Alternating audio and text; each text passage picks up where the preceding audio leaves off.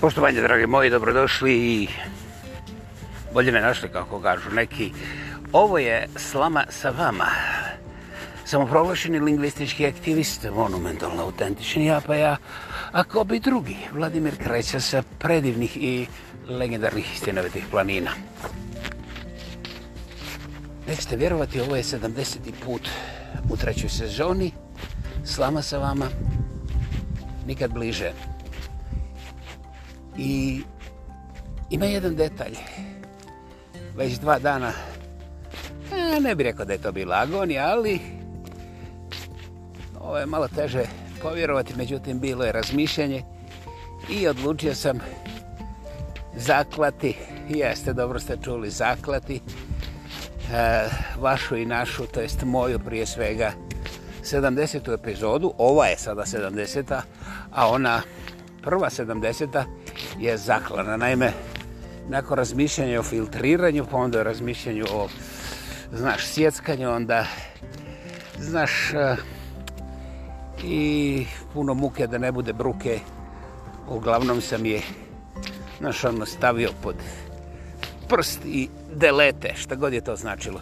Šta kažeš? Erase, erase, to. Erase, ko pras. I ovaj, otišla je kragu, jer Primijetio sam, ne radi se o tome što sam ja mlad, lep, plav, nepogrešiv i skroman. Nemojte ovo zaboraviti nikada, skroman, to je to sa naglaskom na uh, m. Skroman, to. Ovaj, uf, vrlo dobro mi je poznato, a poznato i vama koji slušate u prethodne dvije epizode, dvije epizode, dvije sezone, znači dvije godine, prije ove treće. Vrlo često je bio ovdje gost moj dragi Albertanac, najpoznatiji kanadski intelektualac globalno danas, Jordan Peterson. I to je čovjek koji je u ovom ratu rodovskih rovova, dobro ste čuli rodovskih rovova, jer ljudi su, ljudi su bili zatucani sve te puste godine, vjerovali se da postoje muški i ženski, razumiš?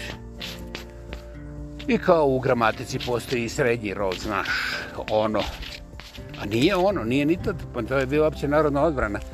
Ali ovaj, onda su došli neki demokratski, koji su, bože, sačuvaj, mislim, puno bolje da ovdje nabijem sad 15 sati pornografije nego da vam objašnjava kako oni sebe predstavljaju s koliko ovih um, mislim tih rodovskih opredeljenja imaju ovaj ispod kože na koži o koži i pri koži i bez kože naravno i ovaj on je specificirao 54 ta rodna opredeljenja gdje svaki od tih hoće da vi to prepoznate i ovaj, kad on istakne svoju zastavu, recimo u javnom gradskom prevozu, da vi odmah stanete u stav mirno i pitate na koju stranu treba pucati, na koju treba štucati i naravno pritome da koristite samo riječnik koji je odobren od njegove rodovske zajednice. Znači, ako je muško, žensko, žensko, žensko, muško, muško, muško, ženski, ženski, muški, onda to ne može da se proridi sa 20, 30, 50, 70 i da na kraju do nekom prosjeku ispadne 68,4, nego vi morate specifične izraze na svakom koraku da koristite jer ako to ne radite, onda je to znak da ga ne poštujete, a onda možete da završite ne samo na golom, obučenom ili nekom sličnom otoku, nego na sudu, vrate, pa da vas oderu za nepoštivanje ljudskih prava, iako su to pederčki, ovaj, mislim, iako su to ti neopredivljeni ovaj više spiritni rodovski, ovaj nagodbeno rodovski pojedincovi ili pojedinke ili mislim pojedino jedinke ili tu nešto, ne znam, meni je drago što još se niko nije uvredio na ovo moje gledanje, jer ja sam siguran da će neki od vas se sjetiti da je dvostruki spirit ih koji može sprijede straga i odozgo.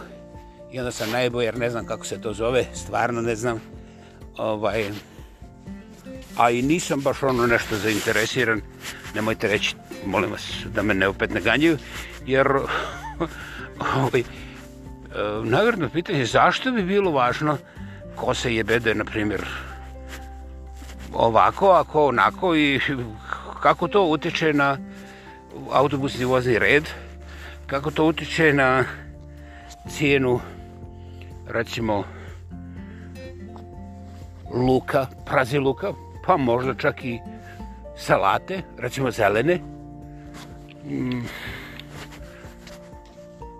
Dakle, kako to utiče na semafore, da li bi sad semafore trebali biti u duginim bojama. I sad već hm, mislite da sam ja poludio. ja vam to dobro, meni bi bilo drago da sam samo ja poludio, pa se to meni priviđa, znate. Međutim, ako živite u bilo kojem selu koje ima više od dva stanovnika, onda vrlo često vam se dešava da ne želite ni da živite, mislim, jer šta vidite, je previše za bilo koju riječ. Tako da, s tim smo završili, jer eh, ja sam samo htio reći da, da su neke vrlo, vrlo ozbiljne situacije utjecale na mene, da prestanem razmišljati i jednostavno zakoljem tu 70. emisiju koja je ostala iza naš. Ne da je cenzuriram, ne da je prikazujem ovakvom ili onakvom, ne da je ništa, jednostavno ništa ništa, to je strašno važan element i meni je drago da je tako. Dakle, ja sam preživio samo cenzuru, nastavljamo. Ovo je 70. emisija u trećoj sezoni našeg podcasta Slama sa vama. Samoproglašen lingvistički aktivista, monumentalno autentični ja, pa ja, ko bi drugi. Vladimir Reća sa predivnih i legendarnih stinovitih planina nekada davno. U radio Šibeniku postoje ne podcast, nego radio emisija nedeljom. Išla je od 10 do podne. Zvala se Žilet. Žilet, gdje je tu Nikola Koštani ekipa. Sjajna ekipa koja je meni ovo imponirala onda pa i danas.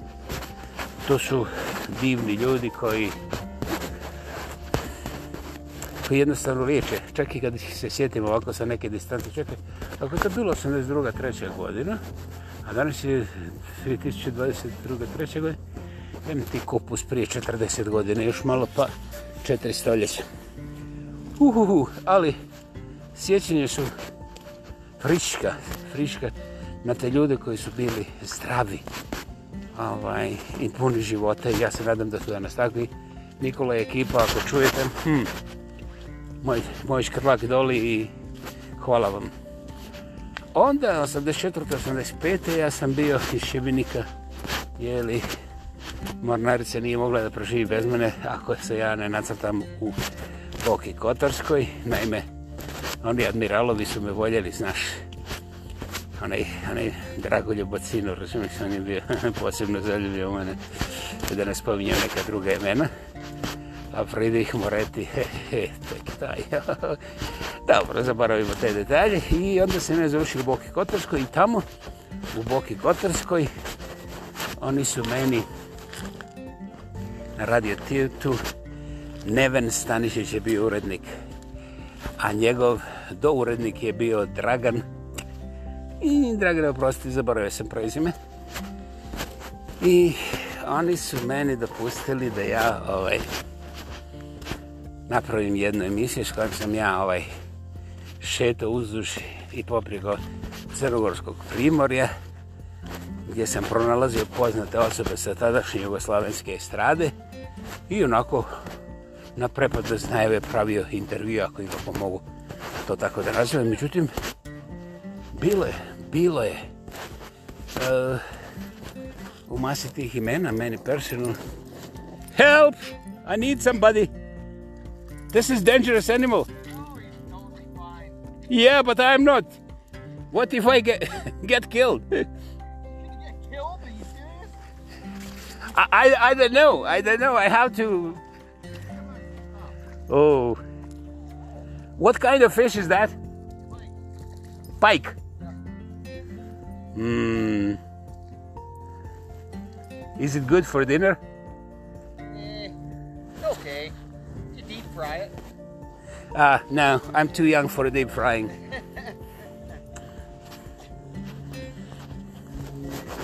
I'm guessing that's not your first one today. That's only my first one, yeah. He got two, though. Hey, buddy, how old is he? Uh, eight. Eight? Yeah. So obviously you're you're a good man because he's protecting you with all he got. You know? Hey. He trusts you, he protects you. Hey, puppy, you're beautiful. Yes. Have a great evening. Thanks. Dakle, ja sam dobio tako popodnev jedan termin, šta znam, dva, tri sata kad se svi sunče i spavaju na plaži ili šta znam već, ali ono, znaš, knjavanja. Ono. I ovaj, to bio šarani čošak gdje sam ja imao dosta tih poznatih njuških, nije, nije, nije falilo. Meni je bilo najdraže ovaj, razgovarati sa Đokom Balaševićem, koji je ovaj, odmah skužio šta je radim kad sam izvukao nagru iz postola i ono, kao, hoš mi sad nešto reći? A on kaže, a šta hoš? I on kaže, ne znam.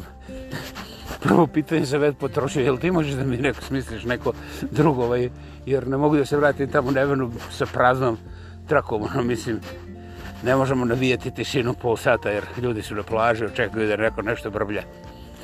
Tuh, sad ćemo mi to riješiti. I kao što vidite, pošto sam preživio, to je dokaz da smo riješili. Super. To je bilo fantastično. Zahvaljujući Šarvenu Krošku, stigao sam onda do radio Kotora, koji je ovaj, također ima jednu vrlo, vrlo zanimljivu i meni dragu ekipu. I tamo sam ovaj,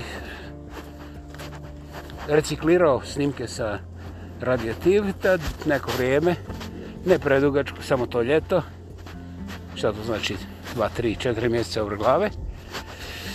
I onda sam za zivu bio na Nišani radi Herceg Novi, jer je Neven se nešto tamo htio muvati, međutim, nije se desilo, jer mene je Šibenik zvao nazad nisu bez mene mogli da prave druge gluposti i onda sam ja ovaj morao da spašavam sve to što se je li moglo spasiti samo mojim učešćem jer niko drugi to ne može mislim to je jasno nemojte nikom reći jer marsovci slušaju sa svih strana i ovaj na povratku u Šivenik u noćnom programu radio Šivenika koji su 10 sati pa ne znam mislim do 1 ili 2 po polnoća jedan puta tjedno, dobro ste čuli.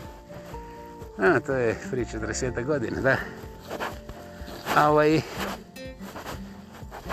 bio je jedan od glavnih blokova intervju sa ulica Šebenski. I taj intervju nije bio uživo, nego je bio snimljen par dana prije pa onda montiran, filtriran, pripreman, glancan i u komadima ubacivan u taj noćni program. I dođe meni, ja mislim da je bio kalođer Darko, kaže, čuli se ovi se radi šibenika za pizdarije koje ti praviš dole, pa si čak nešto mutio i po Crnogorskom primorju. Ja kažem, je, je, je, šesti svjetski rat pripremam, ali nemoj nikom reći, jer mislim, ovi Rusi i Amerikanci su zajebani, oni će mi uzeti prioritet, znaš. He, kaže, ti se zajebaj, ali tebe oni ganjaju sa nagrom. Nagra je bila inače najkvalitetnija reporterska alatka za snimanje. Recimo ovo što ja sam snimam, što mi stoji u šaci, to je u to vrijeme moram da vozi jedan kamion. Da, malo pretjerujem, ali nagra je bila apsolutni zakon za snimanje kako se dozvalo magnetofon a ovaj sa onim dinamičkim mikrofonom koji je bio oružje jebate miš i ovaj kad ti to tutu podnosi ili govoriš ili ispariš razumiješ mislim nema tu nekakvih razmišljenja uglavnom ja nisam znao što da mislim o tome i nakon desetak dana ono nagovaranje ovom onom, ja kažem, slušaj, znaš da dole u Krke na teraci ločem, pošavi ti toga svoga radio Šibenčajne koji to snima, ja nisam tada znao da je Nikola Alfa i Omega, iako je to bilo uvijek na početku emisije, na kraju emisije, u srednjini emisije, ali bože moj, ko bi znao zbog čega to mene nije bilo ušlo u, u uši, u oko. I, ovaj, I tako ja sjedim jedno divno, ovako baš je majsko, majsko, znači prošli sam zimu, majsko večer, još uvijek nema onih grdih ljetnih gužbi, i dolaze i rekao kod mene, ono u šivori, mogu ja sjesti ovdje, o, pa bože moj, ne znam me da li možeš, ali evo ima slobode su tri stolice i ovaj, ja gledam, on me gleda. E, slušaj, u, u mom selu su stolice, ja vidim da ti tražiš katrige, ovako, jedan, dva, tri, jebate, isti broj stolica koji katriga. Evo, to ti je katriga za tebe. Čovjek gleda, znaš, ono, nije mu jasno. Onda se usrao smije. Ja kažem, sad idi u WC, promijeni gaće, pa ćemo nastaviti. E, dok sam radio, ja naravno u to doba, samo su bogovi pili laško, konzervirano. A ja sam dobio, jer sam znao konobara, u staklenoj boci. Da, da, da, da, svi znaju 83. četvrti ili pete, to nisam baš siguran. To je bilo, znaš, ono, povlastica, laško, original u staklenoj boci. I ovaj, on se vrati iz Heća Nife. I ovaj, onaj veliki kufer, taj, taj, tu nagro, taj mikrofon, i to stavi pored sebe, ja kaže, jebote, jesi ti novnar? Kaže, ne, ne do Boga. Kaže, ali ja sam taj koji ti je rekao, kalođera. I onda pogleda i vidi, what? Kao ono šta je ovo? Ja kažem, ne znam, bili su marsovci ovaj, i pogledali svoj dom od anđela, razumiješ i znaš što te stvari, 92. godine bile. I ovaj, popio se, ja kažem, bocu ne možeš, platio sam kauciju, ne dam, ne dam da bocu poločeš, mislim, poždereš, možda ima i druga, ajde. I ovaj, stavio meni mikrofon pod nos i kaže, oćemo li, oćemo. I, dobro, možda sam ja u životu negdje imao drugi intervju, toga se ne mogu sjetiti nikako, ali taj intervju mi je bio najveći u životu, najdraži, jer je bio domaći. Onda nije bilo sel telefona, ali nekako Kalođara je nanjušio da ljuštimo laško iz staklene boce, a ne iz konzerve. Wow! I sad možete zamisliti što se desilo. Ovaj... Right. Uglavnom, intervju nismo snimali drugi put, jer je ovaj od prvi puta uspio i išao je i nismo dobili ni jedan jedini like, jer Facebook nije radio, ne znam zbog čega, to je ostala misterija. Mislim, neki 30-35 godina kasnije i to se pojavilo, ali nećemo o detaljima. Eto, ja sam mislio s ovim da vam objasnim otkuda meni na pamet da imam svoj podcast. Pa sada vidite i sami da umjesto radio stanice i nagre koja je vrlo teška, ja puno lakše baratam sa teflonom. Ovaj, to je ovaj blesimetar mali plastični gdje ja se šetam i moj studio je svaka džada moga grada. Vjerovatno je sela, ali tamo još nisam probao. Nemam konspiracije. Šta kažeš? Konstipacija? A, inspiracija. Može i to sve, sve. Smučka je zajedno. Nemoj dodavati leda. Ali, preli dva balantajne preko toga. Idemo dalje. I ovaj, da, ne bih rekao da sam to je taj radiodifuzni gen negdje našao u svojim DNK-ima i taj, ja znam, kafama ili ne znam gdje. Međutim, um, glas, glas i riječ, ovako da ne moram gledati nikoga kako je ružniji od mene, znaš, jer ja sam najljepši, a skroman, to, to ste zapavljeni. Ovaj, Naime, taj radiodifuzni nekakav bubac, mamac je u meni ostao. Ovo ja sam ga zavolio. Jer glas bez slike ima nevjerovatne dimenzije. Ja sada ne bih o tome šta kažu ovi stručnici za mozgo, lozgo, lozgiju. Lo, lo, lo, lo, lo, lo, lo, lo, koje proučavaju mozak, kako mozak reagira na ove podržajeve, nadržajeve, dodražajeve i ostale stvari. Međutim, ne morate biti mozgolog ovaj, da primitite kako kada čujete glas, imate sasvim drugu informaciju od onoga kada vidite više objekata i čujete zvučnu sliku. Na primjer, recimo kada god vidite šumu, a zvuk je talasi koji se razbijaju stijenu, vi ste zbunjeni. Znate, jer pun ekran šume.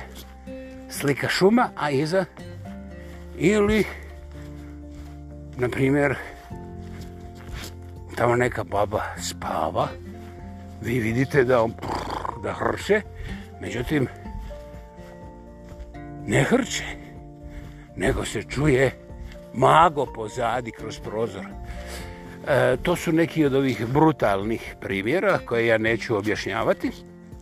Međutim, vrlo je važno da eto, potrošite jedan sekund, zatvorite oči i slušate glas. Ja nisam rekao riječ, ja nisam rekao poruku, još manje koncept, smisao i td. i td. Taj glas ima nevjerovatnu moć. To sada nije opravdanje zbog čega ja ovo radim, nego je upravo jedan od onih meni vrlo dragih činjišnih momenta. Taj glas, ukoliko nije u svojim ekstremnim donjim i gornjim skalama svih vrsta i ukoliko intenzitet nije učinjen, izvan podnošljivog, ima nevjerovatno terapeutsko dejstvo na puno elemenata, ne samo vašeg mozga fizički, jeste, dobro ste čuli fizički, ne samo psihički, nego ima i duhovnu dimenziju koja je uvijek iznova nekako različita. Naime, ne da se staviti u formulu, ali u svakom slučaju se da prepoznati vrlo lako osvježava i zdrava je.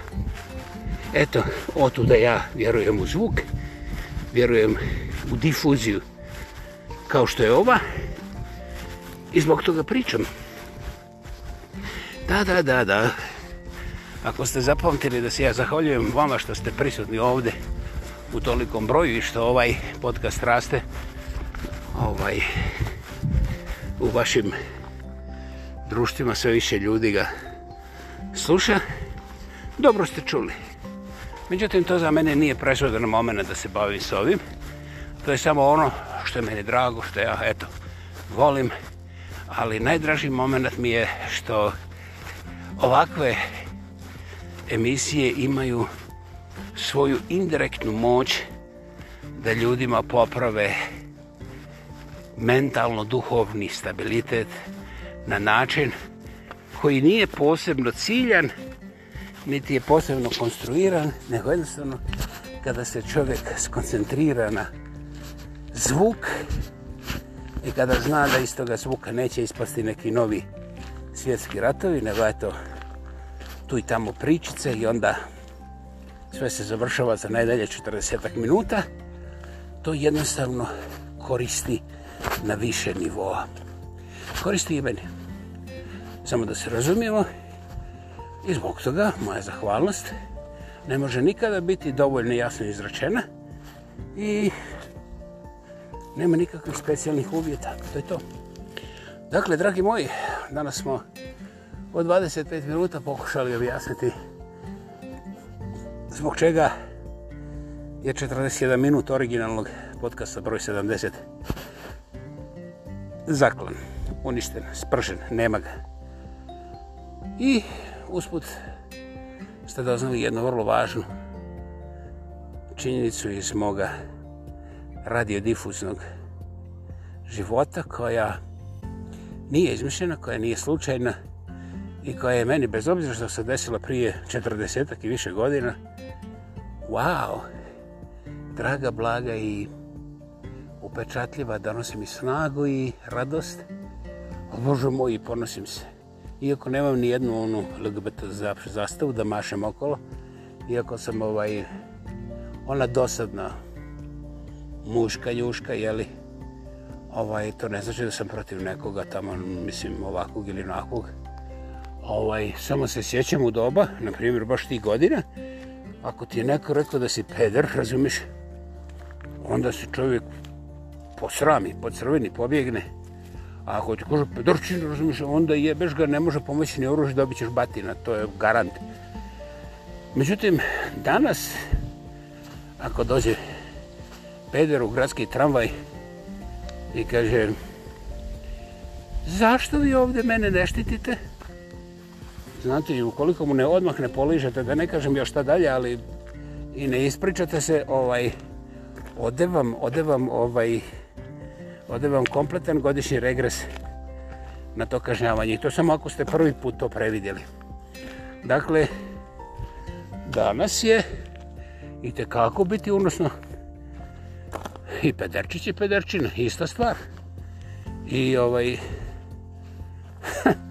neću vam razvijeti dalje, jer su po svim vašim gradovima razvijene te zastave.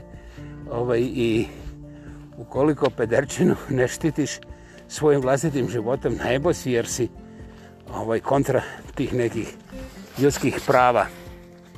Znači, ja ne mogu nikako drugšije zaključiti nego da je da su ljudska prava i prije, a posebno danas uglavnom na nivou guze. Znači, ovi da izvineš i da ne izvineš guzičari, oni su to vrlo dobro izvineš zapukovali u ljudska prava i nema više pedru jedan marš nego gospodine šta želite još da, ja nisam gospodin ja sam gospodin šta vi kažete samo da ne bude tužbe i ovaj ovo nažalost 21. maja 22. maja 2023. godine, znači 40 godina kasnije. Nije vic, a još manje crni humor. Ovo je potpuno smeđa smrtljikava ispod zastave duginih boja. To zove stvarnost. Jebote koja je ljepota i sad mi ovaj ne vjeruje što sam star, impotentan, ćelovi, nesposoban. ovaj, kako je lijepo biti star da ti to doživiš bar mislim ovo su moji stihovi ali dodao sam na kraju hvala vam bila je ovo necenzurirana verzija 70. podcasta u trećoj sezoni slama sa vama sam proglašeni lingvistički aktivista, monumentalno autentični, ja pa ja, ko bi drugi, Vladimir kreće sa predivnih i legendarnih stenovitih planina. Čujemo se uskoro, želim vam sve najbolje i mirno more, dragi moji. Hvala.